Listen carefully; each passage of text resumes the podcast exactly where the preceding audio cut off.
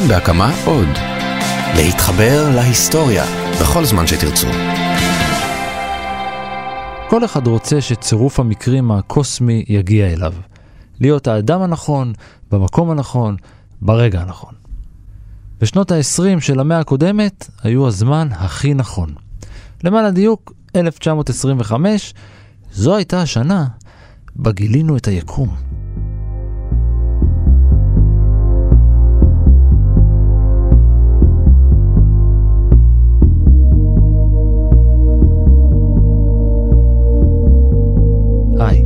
אני ערן מנהר ואתם על מנהר הזמן. מדי פרק נספר לכם על מקרה שקרה בעבר מזווית שכנראה עוד לא הכרתם. הפעם נדבר על ההיסטוריה של החלל. כבר הקדמונים הבחינו שיש כמה כאלה שהם לא כוכבים, שהם ערפילים יותר. זהו דוקטור יגאל פתאל, באוניברסיטת בר אילן ומחבר האנציקלופדיה של קבוצות הכוכבים. אחת מהם הגלקסיה הגדולה באנדרומדה.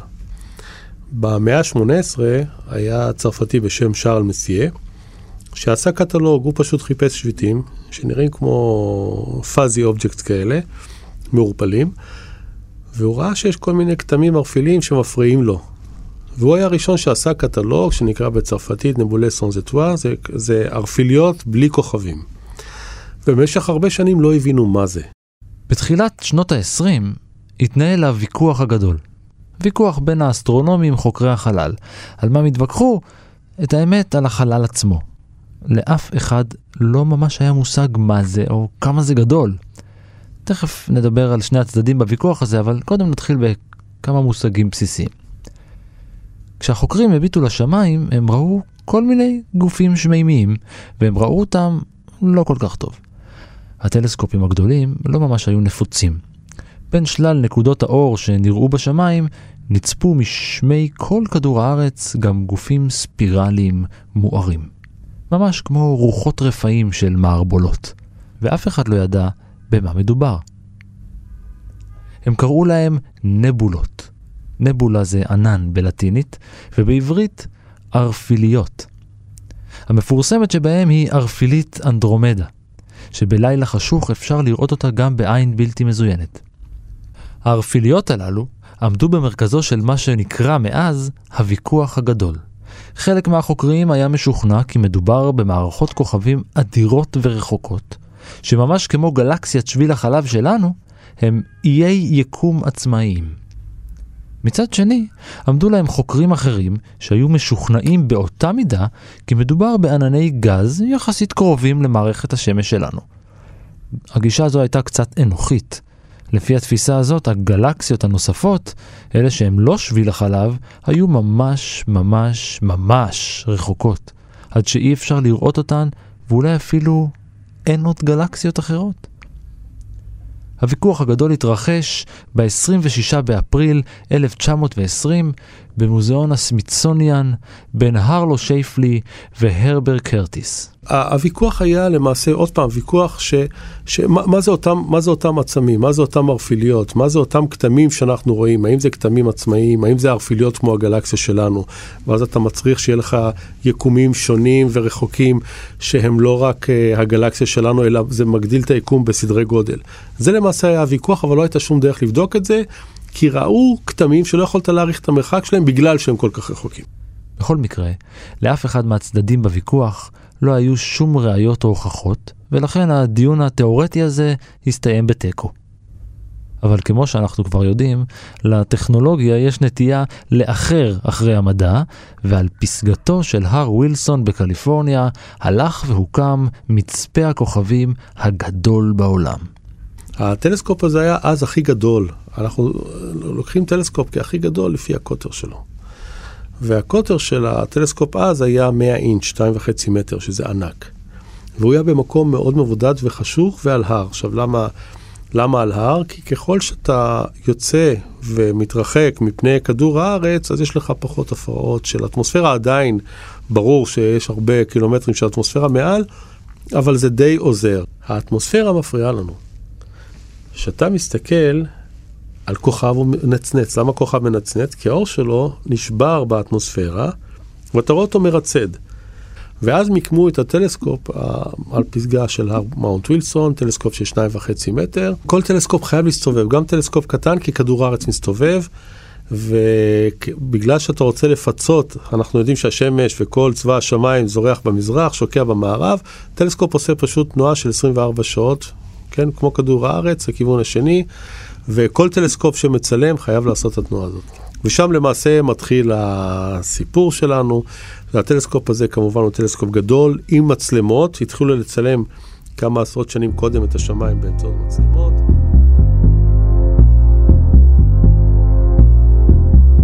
מצפה הכוכבים בהר ווילסון הלך וביסס את מעמדו כמוצב קדמי ומוביל למחקר אסטרונומי. זה היה המקום הנכון להיות בו.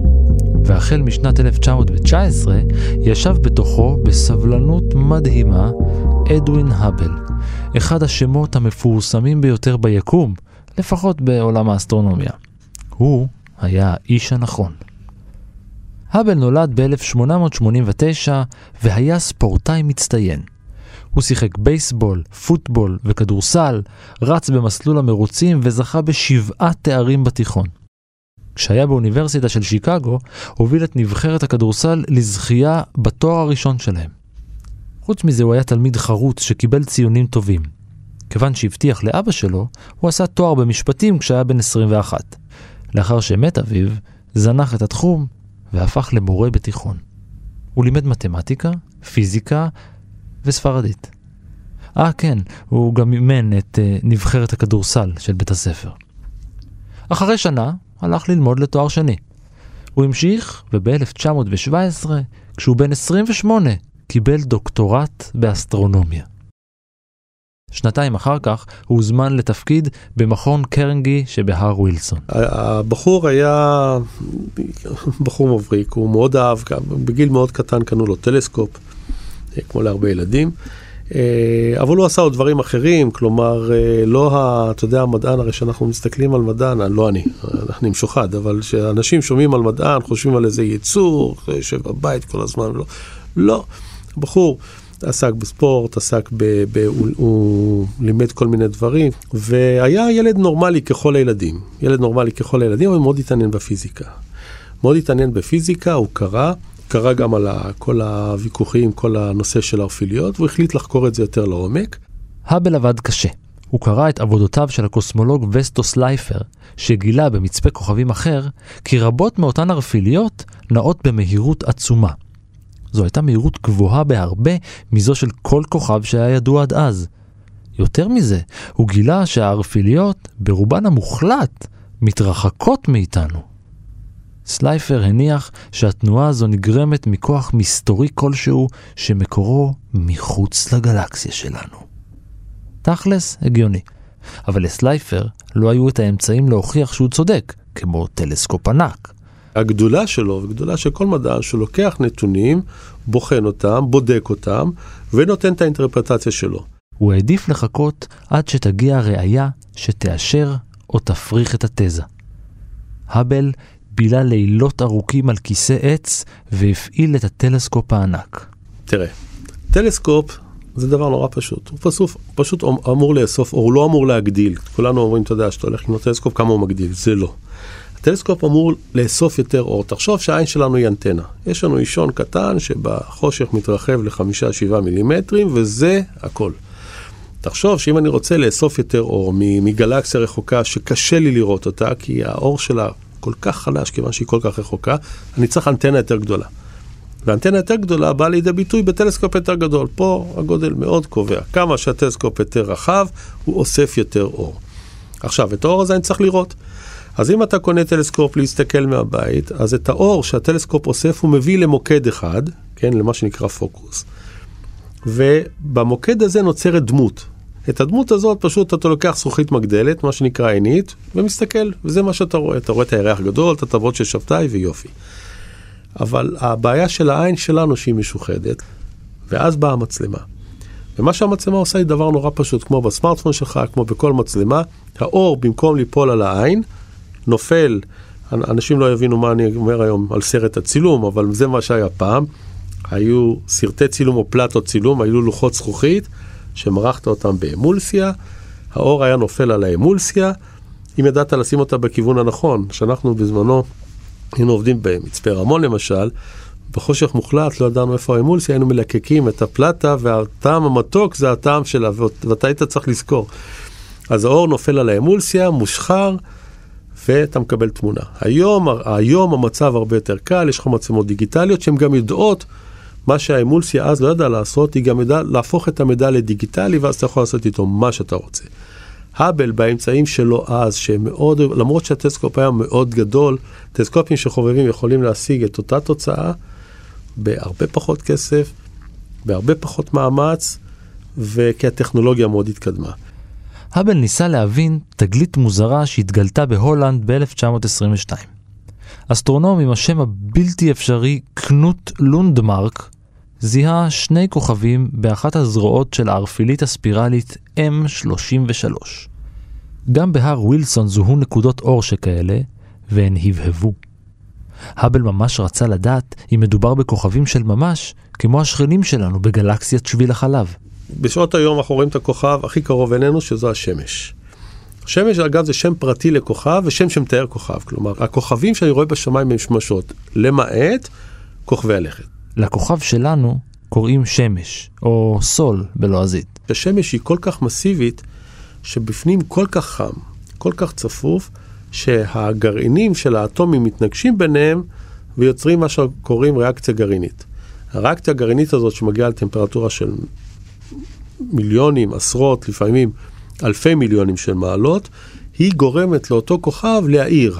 זו הסיבה שהשמש מאירה, אנחנו רואים אותה, וכוכבי הלכת, מעט כוכבי הלכת שאני רואה בשמיים, הם כוכבי הלכת שאני רואה אותם בגלל שהם מחזירים את אור השמש, כאן אגב גם הירח וגם כדור הארץ. כשאנחנו יוצאים החוצה ביום, אנחנו רואים את הרצפה של כדור הארץ, את הקרקע, היא מאירה בזכות השמש. האבל כיוון את הטלסקופ שלו אל אנדרומדה והמתין. האבל הסתכל עם הטלסקופ הגדול שאפשר לו בפעם הראשונה לראות כוכבים בודדים באותה ערפילית. מה שהצילומים שלו גילו היה דבר מופלא.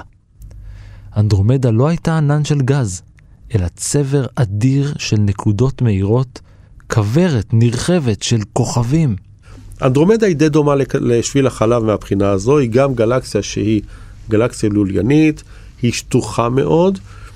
גלקסיות הם איים שמכילים המון כוכבים, דיברנו על אנדרומדה, אנחנו מדברים על מאות מיליארדי כוכבים כמו השמש. יש להם הרבה כוכבים צעירים, כוכבים שנולדים וכוכבים שמתים, כוכבים כמו בני אדם, הם נולדים, הם מתים, או הם אוהבים להיות בזוגות, הם מתגרשים לפעמים, כועסים אחד על השני, אחד מתפוצץ, השני, ממש כמו בני אדם, מה שהאבל גילה, ואותם חבר'ה שעבדו אז, אה, גילו שאנדרומדה למעשה זה אי ענק, כמו שביל החלב. שמכיל לא רק כוכבים, אלא גם ערפיליות וציבורי כוכבים, וערפיליות שהן מהירות, וערפיליות שהן כהות. האקדח המעשן הופיע שנה אחרי כן, ב-1923. האבל זיהה כוכב מסוג כפאיד באחת מזרועותיה של אנדרומדה. מה שמיוחד בכוכבים מהסוג הזה, זה שהם מאירים לסירוגין באור גבוה ונמוך. מהבהבים. והם עושים את זה בצורה קבועה. מה שהאבל עשה, זה למדוד את 31 הימים של מחזור ההבהוב של הכוכב הזה, ולהסיק מכך את המרחק שלו מאיתנו. כבר במאה ה-17 היה כומר בשם פבריציוס בוותיקן, שראה שיש כוכב שנקראו לו מירה, שהוא משנה את האור שלו. הערבים ראו כוכב שנקרא אלרול, אלרול זה המכשפה, או. שהוא סימל את הראש של המדוזה, שגם משנה את האור. והנושא של כוכבים שמשנים את האור היה מאוד מעניין. כפאית זה כפאוס, הבעלה של קסיופיה, מי שמכיר את המיתולוגיה, והכוכבים האלה זה כוכבים שמשנים את האור. הוא פשוט פועם, כמו הקורודיון, הוא מתפשט ומתכווץ ומשנה ככה את האור שלו. יש יחס בין פרק הזמן שהם משנים את האור ובין האור האמיתי שלהם. וככל שהכוכב משנה את האור שלו בפרק זמן יותר ארוך, עוצמת האור שלו יותר גדולה. ככל שזמן המחזור, שמגיע לשבעה שבועות, משהו כזה במקסימום, של קפאיד מכמה ימים עד כשבעה שבועות, ככל שהקפאיד בהיר יותר, מאיר יותר, עוצמת האור שלו יותר גדולה, לוקח לו יותר זמן לשנות את עוצמת האור.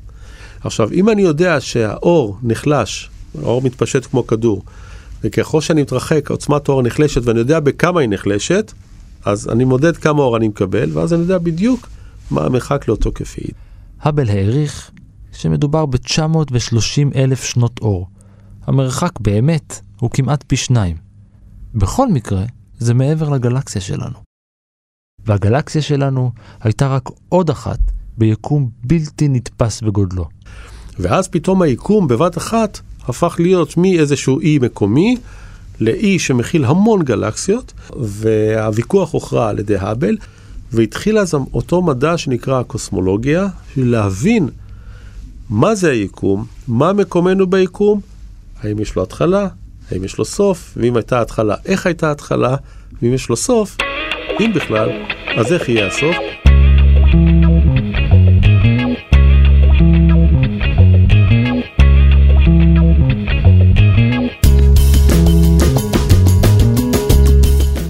האבל גילה כוכב אחד ששינה את כל מה שאנחנו יודעים על היקום. העבודה שהוא עשה הוכיחה ששביל החלב הוא רק גלקסיה אחת מתוך 200 מיליארד רק ביקום שאנחנו מצליחים לראות, מה שקצת מחזק את צידו של קרטיס בוויכוח הגדול. אבל לא כל עמיתיו האסטרונומיים היו משוכנעים שקיימות בכלל עוד גלקסיות.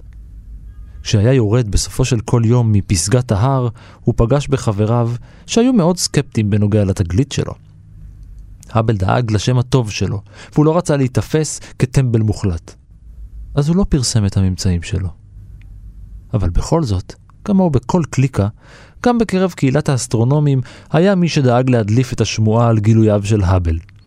בנובמבר של 1924 פרסם הניו יורק טיימס ידיעה קטנטונת על פריצת הדרך המדעית החשובה ביותר בשלוש מאות השנים האחרונות, ידיעה שנקברה בין הררי החדשות בעיתון. בסוף אותה שנה התכנס האיגוד האמריקני להתקדמות המדע והציע אלף דולר למי שיגיש את העבודה המדעית הטובה ביותר. המדע אז היה הרבה יותר קומפקטי מאשר היום. כלומר, אז כשהיית אסטרונום, היית אסטרונום, ידעת את כל, התעסקת בכל האסטרונומיה, כי האבל דיבר על גלקסיות, דיבר על התרחקות, דיבר על כוכבים, דיבר פתאום קוסמולוגיה, ושדיברו באותם כנסים, דיברו על, על אסטרונומיה כאסטרונומיה a whole. כלומר, אותם כנסים למעשה, אנחנו צריכים לזכור שבאותם כנסים ואותם מכתבים, לא היה את האינטרנט של היום, שאתה הולך, קורא על איזושהי עבודה. כלומר, אותם כנסים היו המקור שבו אתה אה, מתוודע על העבודות של אחרים ומפרסם את העבודות שלך. לא היה אינטרנט. ולכן אותם, הכנסים, אותם כנסים היו יותר אה, חשובים. היום יש לנו, אגב, התפתחות של אותו ארגון, שזה האיגוד האסטרונומי הבינלאומי, IAU, שגם כן מתכנס כל שנה, מחליט כל מיני החלטות, למשל שפלוטו לא כוכב לכת, זה, זה עדיין, אותם כנסים הם מאוד חשובים. אה, באותן ועדות, באותן כנסים של אותן אגודות היו מתנהלים החילופי דעות, ומהם צמחו למעשה התורות החדשות, כי עוד פעם, אנחנו היום קשה לנו להבין, אבל זאת הייתה הדרך אז שאנשים נפגשו, דיברו, התווכחו, ונולדו דברים חדשים. האבל לא הגיש את ממצאיו. על ההחלטה הזו כינה אותו האסטרונום הנרי ראסל חמור. רק כדי לגלות שהאבל שלח אליו אישית את העבודה המדוברת. ואז התחלפה השנה. את ה-1 בינואר 1925 בילה האבל לבדו במקום האהוב עליו, פסגתו של הר ווילסון. בדיוק באותו זמן הקריא ראסל את עבודתו לקהל של מדענים. בפעם הראשונה נחשף העולם לעצם קיומן של גלקסיות. מבחינה פילוסופית, זה יקום שאולי יש לו התחלה ויש לו סוף. כי כשאתה מדבר על משהו שמתפשט, אתה לא מדבר רק על היקום של גלקסיות, אלא משהו שאנחנו לא יודעים ממה היה קודם, ואנחנו לא יודעים מה יהיה אחרי. כלומר, תחשוב שאתה מבחינה פילוסופית, אתה נכנס פה לא רק לאין סוף של מרחק וכמה כוכבים, אלא לאין סוף של זמן. כשאתה מדבר על אין סוף של זמן, אנחנו בצרות. כי אני לא יודע מי מהמאזינים, אני לא מסוגל להבין מה זה אין סוף של זמן. ושתמיד אחרי מחר יהיה עוד מחר, ולפני נקודת אפס, אנחנו לא יודעים מה היה. הרי מה האבל מצא? מצא שהכל מתרחק מאיתנו, עזוב את זה שגלקסיות מתרחקות. זה היה הספתח או הפתיח לזה שהיקום מתפשט. וזאת הייתה התגלית הגדולה. כלומר, אנחנו מדברים עכשיו על יקום מתפשט, ואז התחילו לשבור את הראש. עד אז היקום היה משהו שהולך על ארבעה צווים, או כל התורות של היוונים. ופתאום אנחנו מדברים על יקום שהוא לא רק שביל החלב, אלא הוא גם מתפשט. אחד העקרונות החשובים, שזה לא משנה מאיפה אתה נמצא, אתה תמיד תראה אותו דבר. כלומר, אם אנחנו נמצאים בגלקסיה מאוד רחוקה, ואתה מנהל את השיחה הזו, לא יודע באיזה שפה, של חייזרים, אז אחד אומר לשני, למה כולם מתרחקים מאיתנו? כלומר, לא משנה מאיפה אתה מסתכל, כולם מתרחקים מכולם. אם כך, הקוסמולוגיה המודרנית נולדה ביום הראשון של 1925.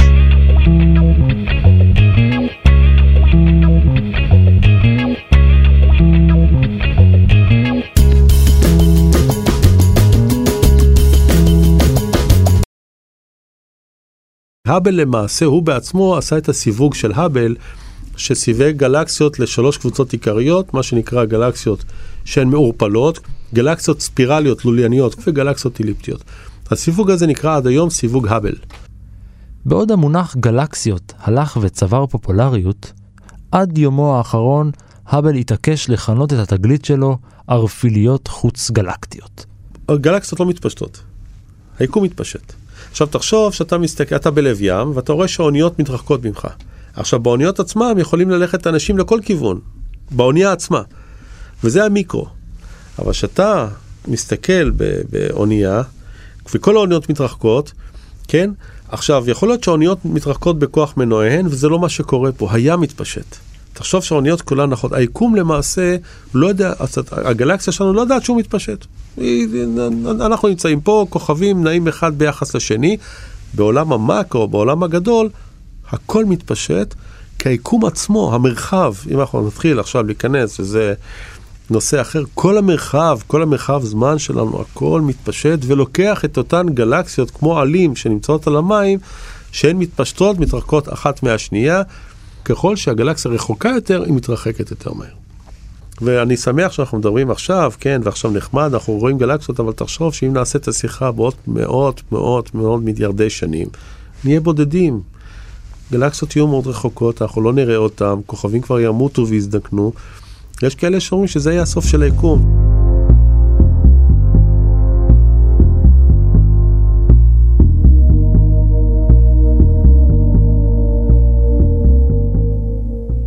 האבל נשאר חבר צוות של מצפה הכוכבים בהר ווילסון עד יום מותו. הוא מת ב-1953, בגיל 64, כתוצאה מקריש דם במוחו. כאות תודה והוקרה לעבודתו החשובה, שמו של האבל הונצח באסטרואיד, במכתש על הירח, במצפה הכוכבים של ניו יורק ובכביש המהיר במיזורי, שם נולד.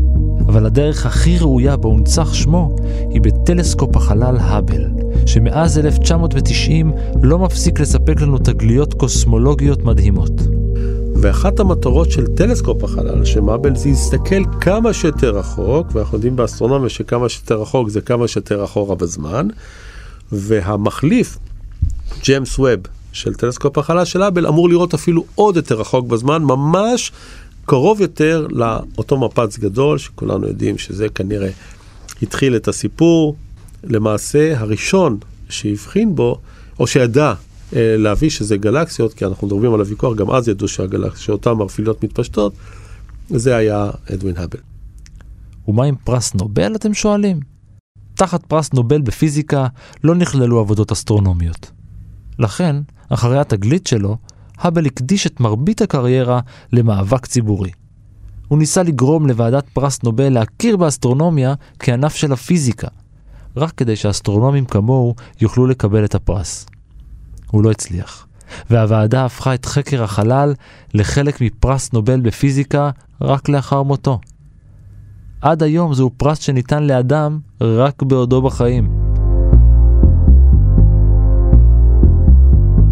אחת התעלומות הגדולות בעולם האסטרונומיה לא קשורה בכוכבים או בגלקסיות, אלא בגופה.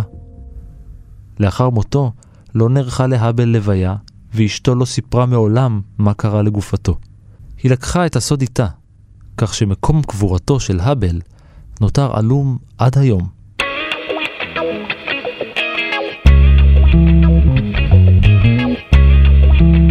עד כאן מנהר הזמן להפעם.